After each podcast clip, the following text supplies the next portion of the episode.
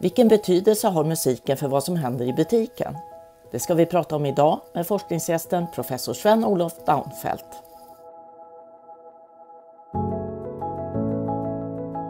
Sven-Olof Daunfeldt, 50 år gammal, uppvuxen i Kiruna, älskar fortfarande att gå upp i Kiruna, kallar det fortfarande för hemma.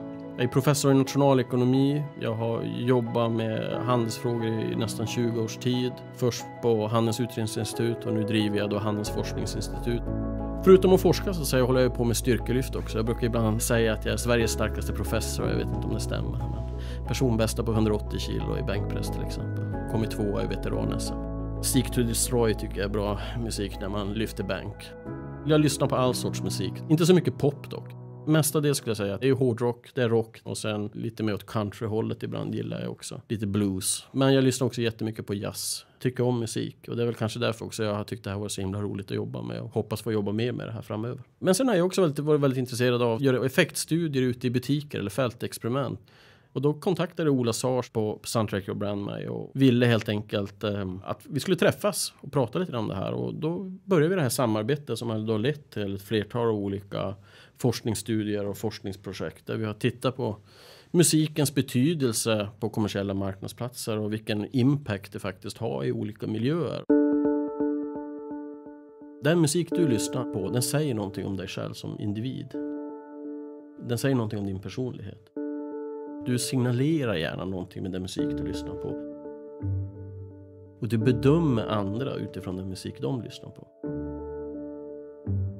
När man har tittat på musiken i butiken tidigare då har man mycket tittat bara på försäljningen och kunderna, är det så? Ja, det stämmer. Det var ett av bidragen som vi gör i den här forskningen är ju att vi specifikt ville undersöka lite grann hur personalen påverkas av bakgrundsmusiken som spelas i butiken och om det är också så att man kan låta dem få lite mer inflytande över musiken som spelas och därmed öka försäljningen.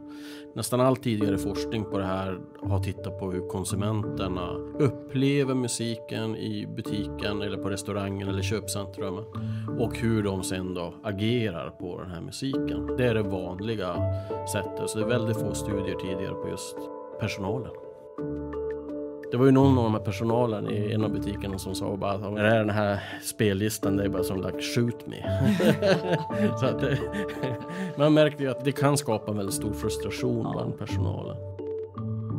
2014 så gjorde jag en intervju vid Dagens Nyheter tror jag, eller om det var TT, där jag påtalar just det här med julmusik. Jingle bells, jingle bells, jingle all the way. Julmusik är ju någonting som väcker väldigt mycket känslor och det är faktiskt, tycker jag, helt förståeligt. Alltså jobba som personal under jultider och du får höra mer jul eller Last Christmas. Det blir ju ganska tröttsamt och det är också egentligen helt fel baserat både på vår forskning och på andras forskning. För det man visar där är ju att det som är viktigt för personalen att försöka jobba med en musik som faktiskt också är en bra arbetsmiljö.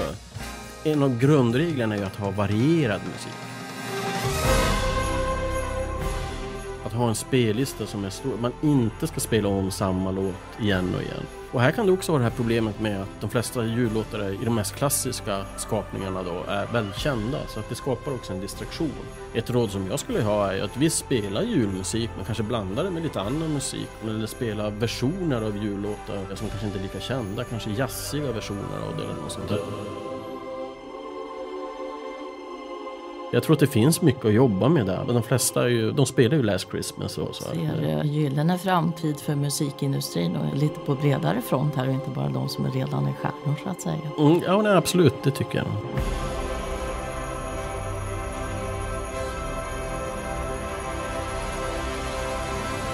det är ju här tanken kom upp också att just det, men om det här musik är så viktigt för individer och det ser vi även på personalen som vi har intervjuat. Det är ju jätteviktigt för dem.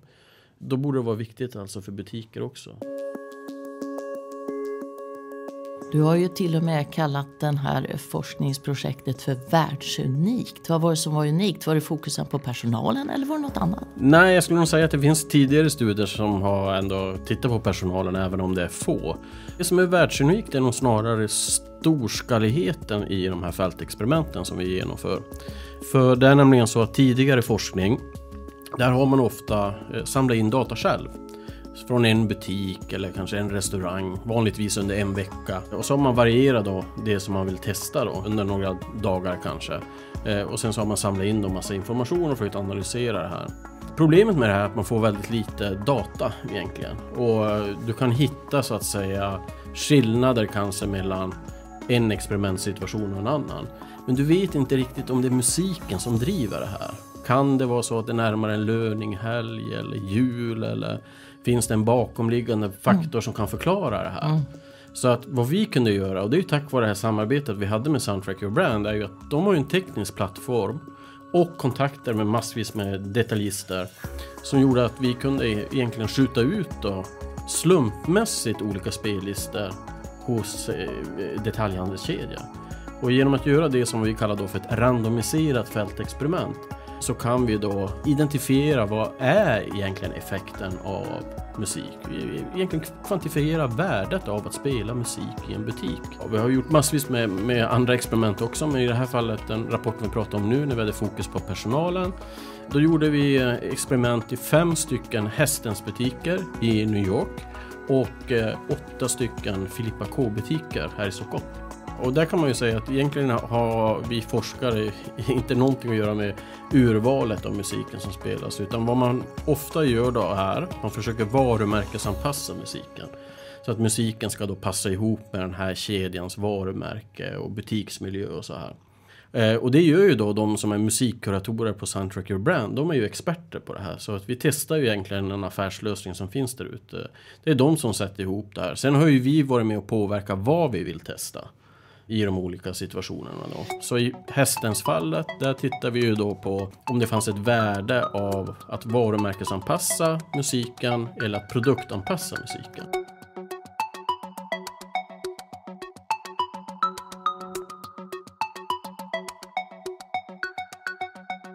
Vi tittade på de mest populära låtarna som alltså de som streamar från Spotify har på sina sömnspellistor. Så att det är alltså låtar då som kunderna då förknippar med sömn och vila. Och då hade vi det som ett experimentsituation. Och sen hade vi de här musikkuratorerna då på Soundtrack Brand som valde ut i en, i en annan experimentsituation då eh, musik som skulle passa ihop med hästens varumärke. Och så hade vi en kontrollsituation där vi bara spelade egentligen vanlig populär radiomusik som vi kallar då för No Brand Fit. Och då gjorde ni ungefär likadant på Filippa K också? Ja, Filippa K var en liten annan grej. Där mm. hade vi också en varumärkesanpassad musik. Så det är samma sak där att musikkuratorerna på Soundtrack Brand har valt ut musik som ska passa ihop med Filippa Ks värden och butiksmiljö.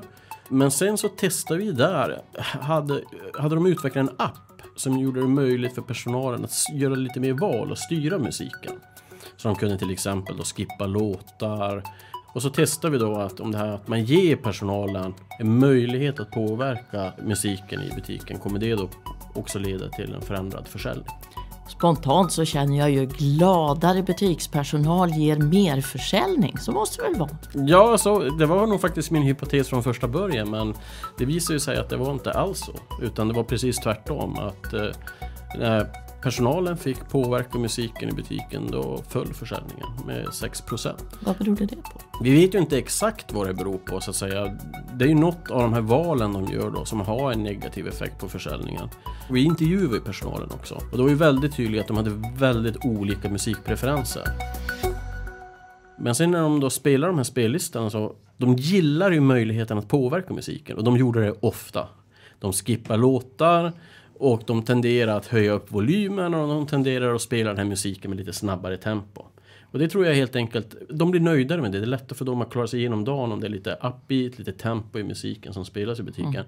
Problemen som jag tror att från en försäljningssynpunkt så kan det där under vissa tidpunkter på dagen framförallt vara negativt. Så att säga till exempel på morgonen om du vill ha in Eh, kunder i butiken, då kan det vara avskräckande med att spela allt för snabb upptempomusik. Och vi vet också från tidigare forskning att när du spelar snabbare tempomusiken då rör sig också folk snabbare i butiken. Tiden mm. man är i butiken så att säga minskar och gör en det, då minskar också försäljningen för då mm. konsumerar man inte lika mycket och upplever inte lika mycket. Det finns en klassisk studie från en dagligvaruhandel i USA där man klockade och där man såg en väldigt sån här tydlig effekt. Och man har även mätt i restauranger och där har man också sett att folk stannar längre, så här lite mer fine dining om man ska säga. Att de, de stannar längre vid bordet och man spelar musik med lägre tempo. Och på så sätt så ökar det försäljningen och vinsten.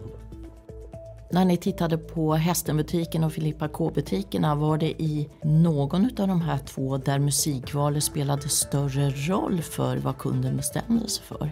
Nej, egentligen inte. I Hästensbutiken var det ju så att där fick vi ju inga riktigt tydliga effekter av musikvalet. Utan det var som vi brukar säga då, icke-signifikanta effekter. Vi kunde inte säga att den ena spellistan var bättre än den andra för försäljningen.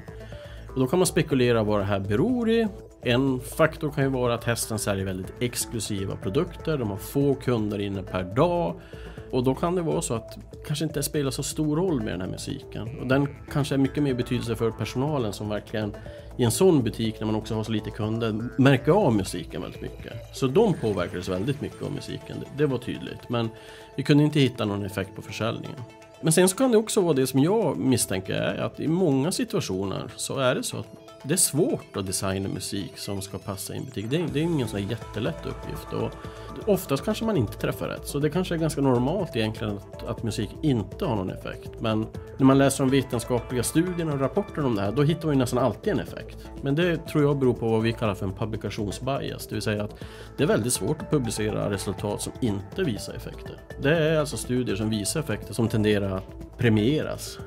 Tyvärr är det så och då kanske man Ibland får också intrycket att ja, men bara man spelar den här typen av musik då kan man nog öka försäljningen. Men det är nog inte så enkelt. Jag tror det är väldigt kontextberoende. Det är en utmaning som forskare att få den forskningen publicerad. Tyvärr är det så. Och det blir ju lite grann då att det, det kan bli en, ibland en felaktig bild om vad olika samband Och det behöver inte bara röra musikbutik utan det här är ju all forskning. Men när ni tittade på just Filippa K-butiken, då var det väl ändå så att det fanns en skillnad på herrmode och dammode? Ja, där hittar vi så att den här effekten, försäljningsminskningen, den verkar drivas framför allt av att det är försäljningen på kvinnokläder eller på dammode som, som minskar medan vi inte ser någon effekt på herrmode. Och det kan ju bero på att det finns, kan finnas könsskillnader i så att säga hur kvinnor och män respektive agerar på musik i butik. Men där skulle man nog behöva ännu mer studier och kanske mm. specialdesigna en studie för att titta på det. Vi hade ju inte egentligen gjort det i den här studien, vi hade ju ett annat fokus. Men det är lite intressant, det kan mycket väl vara så att det finns underliggande skillnader som gör att kvinnor är lättare att så att säga påverka med musik. Generellt sett så är det så att vill du att musiken ska få en effekt på konsumenternas beteende, då ska du inte märka musiken. Alltså du ska gå in i en butik och det ska vara rätt. Men det ska vara rätt på det sättet att det inte mm. skapar en distraktion. För direkt det skapar en distraktion, då blir du medveten om din konsumentupplevelse. Du blir medveten om tid och så vidare. Och då, då gör du inte lika mycket oplanerade köp. Det skulle väl kanske tala för att dagligvaruhandeln skulle börja använda musik mycket mer. För där söker man inspiration och undrar vad man ska ha till middag och man kan plocka ner någonting extra i korgen. Mm. Ja, men så mm. ta ICA till exempel. Deras kundgrupp är ju väldigt varierad. Vad ska de spela för musik då? Och jag tror mycket väl att det kan finnas en effekt av att hitta rätt sorts musik i dagligvaruhandeln. Och gärna då kanske musik då med lite lugnare tempo som gör att det blir mer behagligt att strosa omkring. Och du kanske hör mindre ljud, allt annat ljud du kan höra i en butik på något sätt lite grann försvinner så att du kan komma mer in i din zon så att säga. Många dagligvaruhandlare skulle nog kanske vinna på att uh, ha musik. Ett litet historiskt perspektiv. Det har ju spelats musik i butik under bra många år, eller hur? Mm. Om du tänker på exemplet med Henry Ford. Mm. Och mm. Han var en av de som tidigt experimenterade i sina fabriker faktiskt med att spela musik. Han trodde att det kunde ha en effekt på arbetstagarnas produktivitet. De kunde inte uppmäta någon effekt där, troligtvis då också på grund av att ljudkvaliteten var så dålig och det var väldigt bullrig miljö så det kanske inte var världens bästa effekt. Men det finns ganska mycket sådana här klassiska studier som har gjorts då genom åren. Problemet som jag sa, det är ju det här att de flesta tidigare studier, de är väldigt begränsade i sin design, vilket gör att ofta tycker jag att man kanske drar lite för stora växlar på dem. Och det är ju där jag tycker att det här vi har gjort och som vi har fått möjlighet att göra genom samarbete med Suntrigger Brand. Det öppnar ju upp helt nya möjligheter. Just att man kan man, det är som ett stort gigantiskt eh, laboratorium egentligen. Ja, där man, man kan... kan... koppla det till besöksstatistik och försäljningssiffror ja, och köra det som ett digitalt labb. Ja, ja det, är, det är precis det det är också. Och i en riktig miljö, inte i en Annars är det ju många studier också som görs i labbmiljöer. Mm. Och då är visst, då blir de väldigt kontrollerade men det är väldigt svårt att simulera en butiksupplevelse när man sitter så här, ja du, och så, ja, men, ja. Ja. Det är ju inte som inte samma sak. Utan, men här har man ju faktiskt möjligheten då att slumpmässigt spela olika spellistor, vad man nu vill testa. Mm. Och kunna använda då detaljister som har många butiker runt om i landet. Och det finns jättemycket man kan göra med det här. Alltså. Minska brottslighet och såna här grejer. Ja, just det. Hög opera i parkeringshus. Nel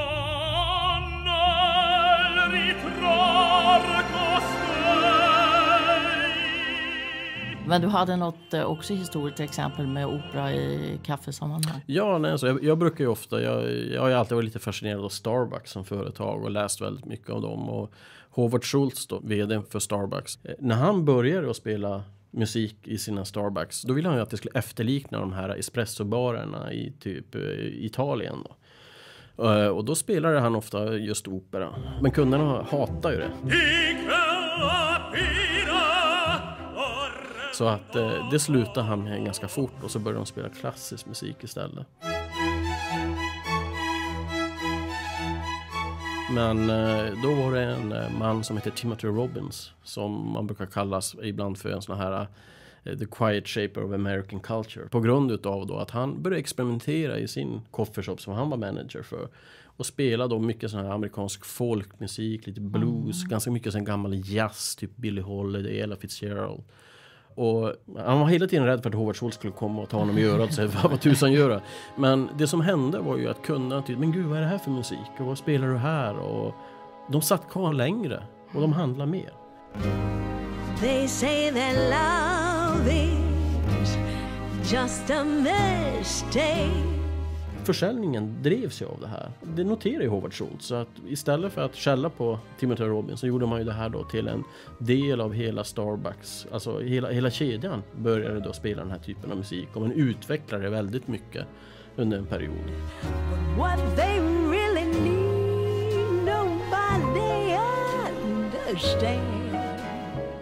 Jag tror egentligen att alla butiker och alla egentligen kommersiella marknadsplatser om man bara ska prata butiker har ju sin egen kontext. Man har sitt eget varumärke, man har sin egen butiksupplevelse och det handlar ju om att försöka få musiken att lira med den här butiksupplevelsen. Så i en skatebutik skulle det rimligen kunna vara bra med ett stort musikengagemang så att folk absolut. hänger där. Ja, ja. Joe and the Juice till exempel. just de har en väldigt stark musikidentitet. De har ju ett musiktänk som genomsyrar hela varumärket, hela butiksupplevelsen. De har ju verkligen tänkt till när det gäller just musiken. Och, Och musik. volymval. De drar ju upp volymen. Jag vet många som håller på och jobbar med volym, de hävdar ju att många spelar för tyst musik, att man ska dra upp volymen. Jag tror väl snarare att det är väldigt kontextberoende. Och I vissa situationer så är det bättre att ha låg volym och i andra situationer är det bra att ha hög volym. Jag tycker generellt sett faktiskt att det har blivit bättre än vad det var. När jag började forska med det här, man börjar tänka på det hela tiden när man går in i butiker. Men vad spelar de här då? Det var förfärligt. Det var dålig ljudkvalitet ofta och det var jättekonstig musik. Ofta har man inte ens tänkt till kring det här. Man låter bara radion vara på. Och det har ju vi visat att det kan vara det absolut sämsta valet. Ibland är det bättre att inte spela någon musik alls än att spela fel sorts musik. Nu upplever jag ändå att de flesta har ändå börjat tänka till lite mer kring det här. Men det finns fortfarande mycket att göra. Du gör någonting i slutet här utav rapporten som inte alla forskare gör. Du vågar på att ge lite råd till folk som håller på med detaljhandel. Ja, nej, men jag gjorde eh, implikationer för handlare. Ja, ja, Ja, nej, men jag tycker väl lite grann också att vi... Ibland kan jag tycka att forskare är lite för fega om jag ska vara ärlig. Vi kan ta ut svängarna lite mer, framförallt i en sån här rapport som är lite mer populärvetenskaplig och har en större målgrupp. Att ändå våga lite grann ge, okej men vad... På vilket sätt är den här forskningen av betydelse för er som handlare? Och vad kan ni lära er av den här forskningen? Och i det här fallet var det ju också lite tacksamt jämfört med mycket annan forskning som har gjort när det kanske är mer så här klassiska nationalekonomiska frågor. Men här är det ju väldigt affärsnära. Så att jag, jag tyckte väl att jag... Jag, jag vågade så får vi se om de, om de tycker att det var bra eller inte. Det är en annan femma. En av de råden kunde vara att vara tydlig vid rekrytering kring varumärket och att varumärket också kunde ha ett klingande avtryck som man skulle vara okej med. Ja, alltså det såg ju vår forskning här var ju att ofta så visste inte personalen riktigt om varför man spelade den musiken man spelade i butiken. Och man hade som sagt väldigt olika preferenser och man tyckte väldigt mycket om musiken i butiken. Men vad de tyckte var bra musik var inte riktigt det som kedjan alltid tyckte var det som passade deras varumärke. Så att jag tycker att det är viktigt här för kedjan att har man en musikstrategi då måste man också kommunicera den till de anställda och förklara varför man spelar den här musiken och vad tanken är bakom det här. Jag tror att många handlare måste testa sig fram mer. Alltså ha butiken, låt det vara en liten experimentverkstad och prova olika grejer och se vad är det som funkar och vad är det som inte funkar. Kolla om du kanske kan annan musik i början på dagen under lunchrusningen till exempel. Och kombinera med ljussättning till exempel. Det är en annan sak som forskningen har visat är viktigt. Just det här att de här sinnena gärna ska då vara i harmoni med varandra. Så att musiken till exempel ska stämma överens med doftintrycket. Om du skulle fortsätta i närtid på att forska kring ljud och sinnesmarknadsföring och sådär. Vad skulle ditt drömprojekt vara då? Ja, för det första så har vi ju ett faktiskt, eller jag är med i ett annat projekt som finansieras av Handelsrådet. Där vi tittar faktiskt om man kan använda musik då eller ljud för att minska snatteri och öka servicen i butiker. Det skulle vara hemskt spännande att försöka testa den kulturella, alltså är det så att musik är olika i olika kulturer och vilken musik som funkar. Det, det tror jag inte det finns några storskaliga experiment om. Det skulle vara hur coolt som helst att göra.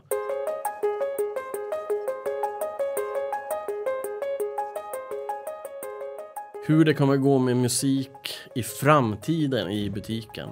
Om det är så att alla går omkring med hörlurar, då kommer det att bli svårare. Så är det ju, det är ju ingen snack om den saken. Men jag tror ändå att det, det finns ett värde här av det här med musikbutik. Och jag, det som jag sa också, jag tror det är olika på olika marknadsplatser. I vissa butiker kanske man springer mer och mer med hörlurar och lyssnar på sin egen musik. Men i andra miljöer är det mer naturligt att man faktiskt tar av sig hörlurarna och umgås Och sen får man ju faktiskt komma ihåg också, det som ingen nästan pratar om, det är ju en av de mest intressanta målgrupperna för musik. Det är de äldre konsumenterna. De seniora konsumenterna är ju en bortglömd kundgrupp i Sverige. Den demografiskt den största kundgruppen. De lever längre och längre och de blir rikare och rikare. Det finns många som har det dåligt som pensionärer, men det finns faktiskt många pensionärer som har väldigt låga skulder, höga förmögenheter, bra inkomster och en otroligt stark konsumentgrupp så att säga agerat. Och jag tror inte det är så många butiker som har funderat på vad ska man spela för musik för att locka den seniora konsumenten? Det är en annan intressant fråga. Och det är också en väldigt heterogen grupp. Så äh, det finns jättemycket att göra framöver på det här temat. Tack för att du har lyssnat. Håll utkik efter fler poddar om handelsforskning på Handelsrådets hemsida och där poddar finns.